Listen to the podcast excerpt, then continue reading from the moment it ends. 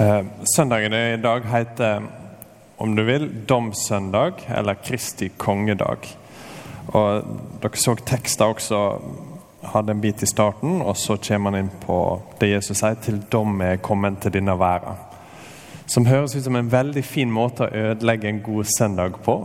Og så hadde det så kjekt, ikke sant? Eh, og så nå skal liksom Jesus komme og ødelegge alt med å begynne å si et eller annet sånn trasig. Eh, og det kan ofte bli litt sånn at vi kommer til disse tekstene i Bibelen der det står et eller annet om dom. Enten så bare blar oss videre og leser noe kjekt, eller så ser vi på det og kanskje sukker litt og tenker hm, Er ikke dette litt utgått? Er ikke dette noe som hadde en best før-dato rundt 1950, kanskje? Og nå er vi kommet litt forbi det? Er ikke sånn nå at vi skal eh, snakke om nåde og snakke om kjekke ting, liksom? Jeg tipper noen av dere tenker det. Eh, og det kan hende at noen av dere tenker Yes, endelig en domsøndag. Jeg ser at naboen min er her, han som aldri klipper hekken. Og nå, nå skal han få høre det. Nå skal han få en eller annen oppstrammer, sånn at han går hjem og klipper hekken, f.eks. Eh, jeg har litt lyst til at du skal se eh, litt grundigere på denne teksten i lag, for det ligger noe helt annet her. Og Jeg håper at vi både kan se at det Jesus sier her om dom, er ikke et voldsomt brudd med det han sier ellers. Dette henger veldig nøye sammen med alt han sier om nåde. Og hvis vi skal forstå den nåden, så må vi forstå hva han sier her også. Og jeg håper at følelsesmessig at dere ikke vil sitte igjen etterpå og føle dere tunge eller undertrykt. For det er ikke meninga med denne teksten her at vi skal føle oss ja, redde, kanskje, eller nervøse, eller sånn. Her er det faktisk noe som kommer for å gi oss håp. Eh, og det har skjedd nydelige ting tidligere i dette kapittelet. Dette er helt på slutten av et langt kapittel som viser oss hvorfor. Så hvis, hvis, det er greit, så ser vi litt på hele kapittel 9 nå først. Jeg har ikke hatt plass til å trykke så masse bak på arket deres, men eh, dere kan jo se på det dere har der, iallfall. Så i, i vers 1 av dette kapittelet så er Jesus ute og går med disiplene, og så møter de en mann. Det sitter en mann og tigger, som er født blind. Alle vet at han er født blind. Og så blir det en diskusjon. Så Læresveinene spør Jesus ja, hvem, hvem sin feil er dette. på en måte? Hvem er det som er synder her? Er det mannen sjøl, eller er det foreldras, siden han er født blind? Så sier Jesus nei. Feil spørsmål, på en måte. Det er ikke sånn det funker. Og så helbreder han mannen. Så han, eh, han eh, spytter på jorda og lager noe leire, og det er noe styr. Eh, og så skal mannen gå og vaske seg. Og når han gjør det, så får han syn igjen. Og dette skjer på en sabbat. Så plutselig så går denne mannen rundt, og ja, alle vet at han hever blind hele livet, og plutselig så ser han. Og de begynner å lure på er det samme mannen, eller er det kommet en annen. liksom. Og fariseerne, de jødiske lederne, får nyss i dette og er veldig kritisk, Og det begynner å komme frem at det er Jesus som har gjort det. Altså en brutt sabbaten etter deres standarder. Ikke etter den bibelske standarden, men etter de egne lovene som de hadde satt opp. Så har han gjort noe som er ulovlig. Eh, og Det blir konflikt etter hvert med denne mannen. De tror ikke på at han virkelig var blind, og kaller inn foreldre og masse styr. Og Til slutt så lander de bare på at nei, vi liker ikke Jesus i det hele tatt. Og det du står og sier om han nå, er bare tull. Så derfor støyter oss det ut av synagoga. Og det er der vi kommer til i tekster som dere har foran dere, at det er han som er blitt kasta ut, i vers 35 der. Jesus fikk høre at de hadde kasta han ut. Ikke Jesus, men mannen er blitt kasta ut av synagoga. Og Da møtte mannen, så spurte han han, tror du på menneskesonen? Eh, mannen svarer, hvem er han da, gode Herre, så jeg kan tro på han? Du har sett han, sa Jesus. Det er han som nå snakker med deg. Jeg tror, Herre, sa mannen, eh, og han tilba han. Så vi får et ganske godt inntrykk av mannen. ikke sant? Og Sånn er det gjennom hele kapittelet. Sett deg ned senere i dag og les Johannes kapittel 9.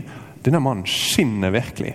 At her har han bokstavelig talt 70 rennesteinene, og så er han rett opp og utfordrer eliten med sannheter. Og når de truer han, og når de eh, anklager han for løgn, så viker ikke han en tomme. Det virker nesten bare som han blir enda mer frimodig og glad. Og så har vi dette voldsomme sånn girskifte i våre høyde, iallfall. Til at Jesus da ser dette som en god anledning til å si til dom er kommet til denne verden.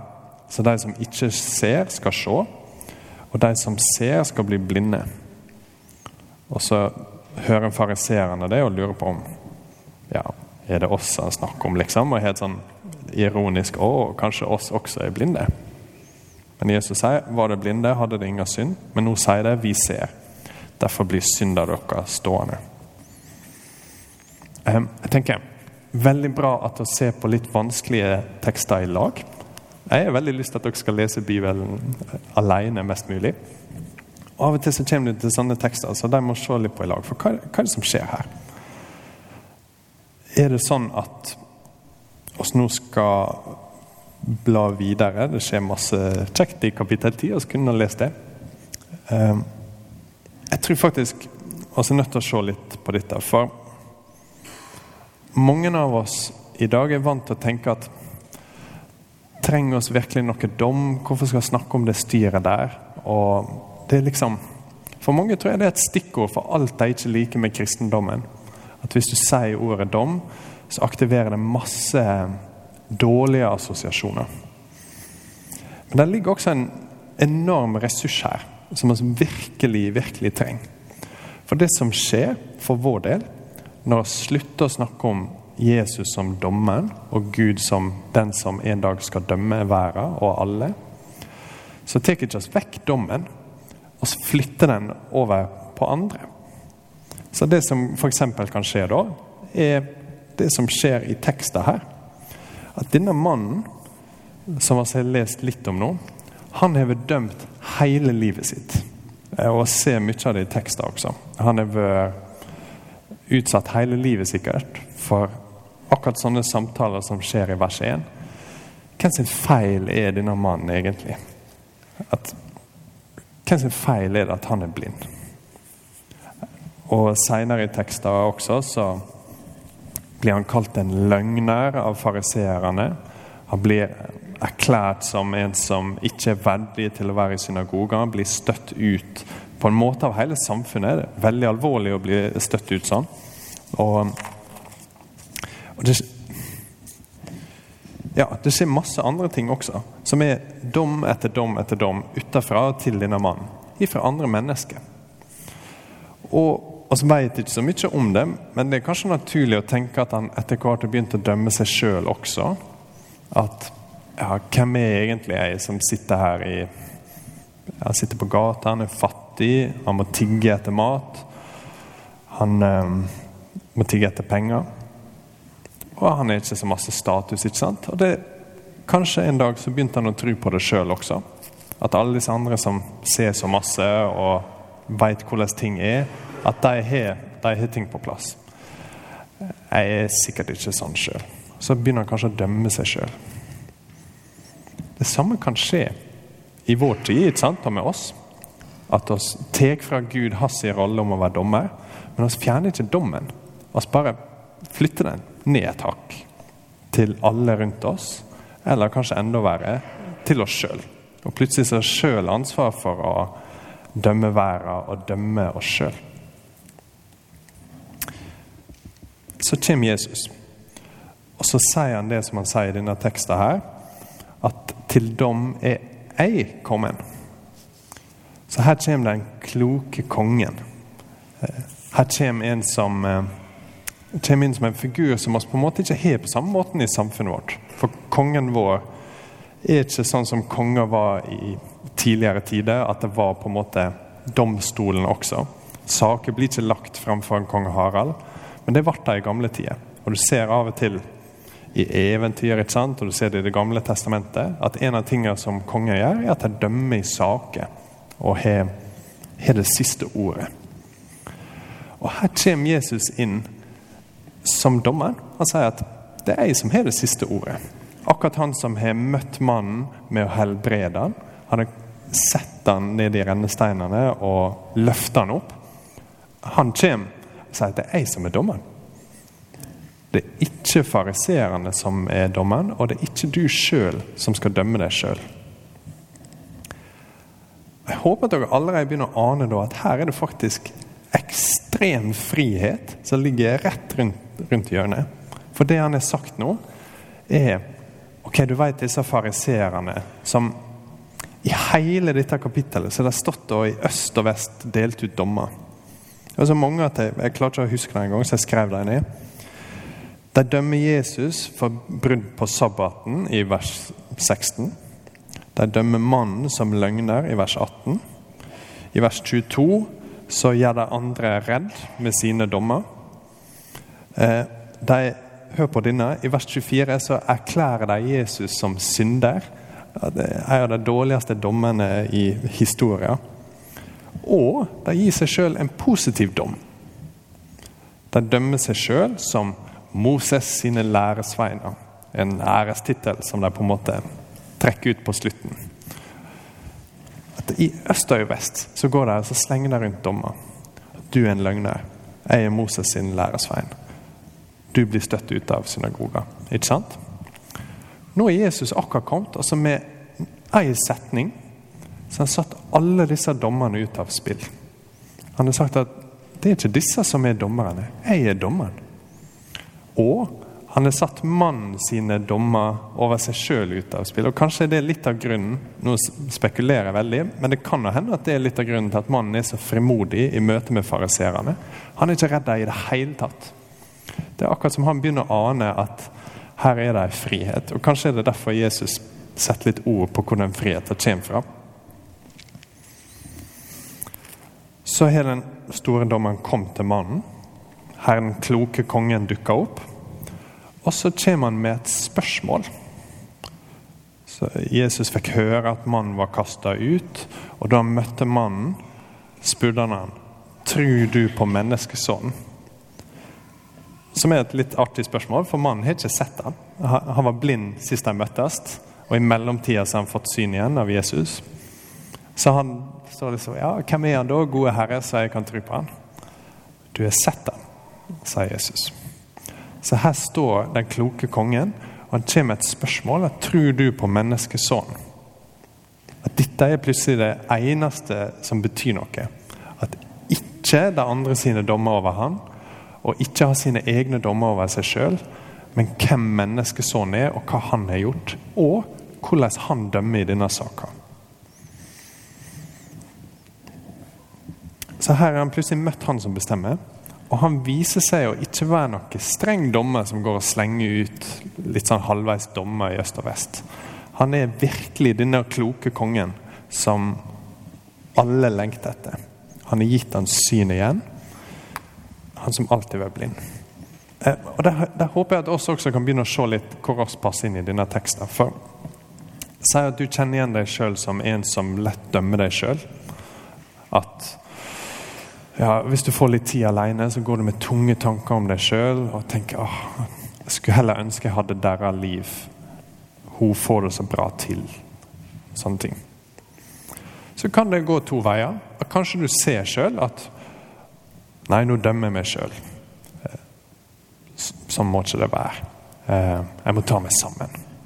Og kanskje folk rundt deg sier at å, du må ikke dømme deg sjøl. Ikke, ikke gjør det, liksom. Men så funker ikke det helt. Eller kanskje du er en som blir dømt av andre på en eller annen måte. At du føler at F.eks. når du kom inn i kirka i dag, så så folk på deg. Kanskje tenkte du det. Kanskje jeg bare så på deg fordi de syntes det var kjekt å se deg men du følte det kanskje som en dom. Eller kanskje noen har sagt noe til deg en gang for lenge siden, eller for kort tid siden, som fortsatt klinger bak i hodet ditt. At en dom fra andre. Det vi kan gå to veier. ikke sant? At enten så kan vi tro på det, kanskje sånn som mannen i fortellinga, og synke ned i et mørke fra dommer som vi egentlig ikke skulle høre på. Eller så kan vi kanskje Si nei til det på en måte som er litt skummel. At det går an at hvis du møter masse motstand utenfra, så blir du knallhard og sier at 'jeg bryr meg om hva noen sier'. Folk har sagt så masse rart til meg opp gjennom. Jeg vil ikke høre på hva noen sier. Jeg veit sjøl at jeg er kjempebra, og ja, sånn. Men det er litt farlig, ikke sant? For hva med den dagen at noen kommer med et forsiktig, men klokt råd til deg? Kanskje det du sa sånn og sånn ikke var helt bra, eller kanskje du skal tenke på dette så kan du ikke ta imot, ikke sant? Du er blitt hard, og du har bygd opp et skall. Altså, jeg hører ikke på hva noen sier. Så det kloke rådet ditt, det kan ikke jeg ta imot. Trøster som folk kommer med, kan ikke du ta imot. Advarsler eller gode råd. Plutselig så kommer ikke kjempeviktige ting inn for at vi skal kunne bli kloke og modne mennesker. Det kommer ikke inn for vi har stengt alle andre ute. Kjempefarlig, ikke sant? Vi kan ikke dømme oss sjøl, og oss kan ikke la andre dømme oss. Vi trenger den kloke kongen. Her er han nødt til å komme inn og sette oss fri. Han som er den eneste som er stor nok til at han kan komme med sin mening, og så sette alle andre dommer ut av spill. Eh, og så sett i teksten. Det betyr virkelig ingenting og sånn er det for oss også noen av oss lest i dag, at når Jesus dukker opp i tekster og sier til denne mannen tror du på menneskesonen, og, og ser at de får en relasjon, så ser han oss nå at det er det som betyr noe. Og ikke oss i det hele tatt om hva fariseerne syns om denne mannen. Og Sånn er det for oss også. Og det betyr ingenting at denne mannen har blitt trykt ned av seg sjøl og av andre når kongen nå har kommet og løfta han opp. Ser dere friheten her? Denne kongen kommer til deg i dag i sitt ord og spør deg tror du på menneskesånd. Han kommer som dommer over alt og alle. Og setter, bare med at han dukker opp, så setter han alle andre dommer ut av spill. Og nå handler alt om deres relasjon. Han kommer til deg og sier 'tror du på menneskesånd'? Det er en ufattelig frihet i dette. Vår relasjon til han, om å si ja til han, om å ta imot hans gode rolle som dommer. Da gir oss han også muligheten til å frikjenne oss. Han sier at alle som kommer til han i tru, vil han frikjenne. Far vil frikjenne oss pga. Jesus sitt offer. Den store kongen har tatt på seg vår straff på seg sjøl. Og her kommer han, den eneste som virkelig betyr noe hva han syns, med tilbudet om å bli satt fri. Både ifra eh, frykt og uro her og nå, men også bli satt fri til et evig håp. En dom kan gå to veier. Det kan bli en frikjennelse. Og her kommer han og tilbyr en frikjennelse. Han kommer og sier at ikke hør på dine egne dommer over deg sjøl. Ikke hør på andre dommer, andre sine dommer over deg. Eller andre sine dommer over andre folk, for det mener jeg er greier som vi ikke snakker om. Hør på hva jeg sier. Her kommer Jesus og sier 'Tror du på menneskesønnen'? Eh, og mannen igjen i teksten er vårt forbilde. Han sier hvem er han da, Herre? Hvem er han da, gode Herre, som jeg kan tro på han? Kjempelov hvis du er der, at du ikke har ikke sett Jesus ennå, jeg var blind i stad. Eh, så er det veldig lov å ta tid til å søke han, til å bli kjent med han. Men hvis du har sett han, sånn som mannen etter hvert gjør, så er han også vårt forbilde. Vers 38. Jeg tror Herre, sa mannen, og han tilba han. Jesus setter oss fri. Gå enten til han og spør hvem er du egentlig, eller gå til han med frimodighet og si 'jeg tror', og tilbe han. Og så oss be litt. Eh, gode Jesus, oss takker deg for at du er den kloke kongen som setter oss fri fra alle falske dommer og tilbyr oss en evig frikjennelse og en evig fred i deg når vi kommer til deg i tro og tillit. Så det gjør oss nå, Vi kommer for å tilbe deg og for å prise deg. Det ber oss i Jesu navn. Amen.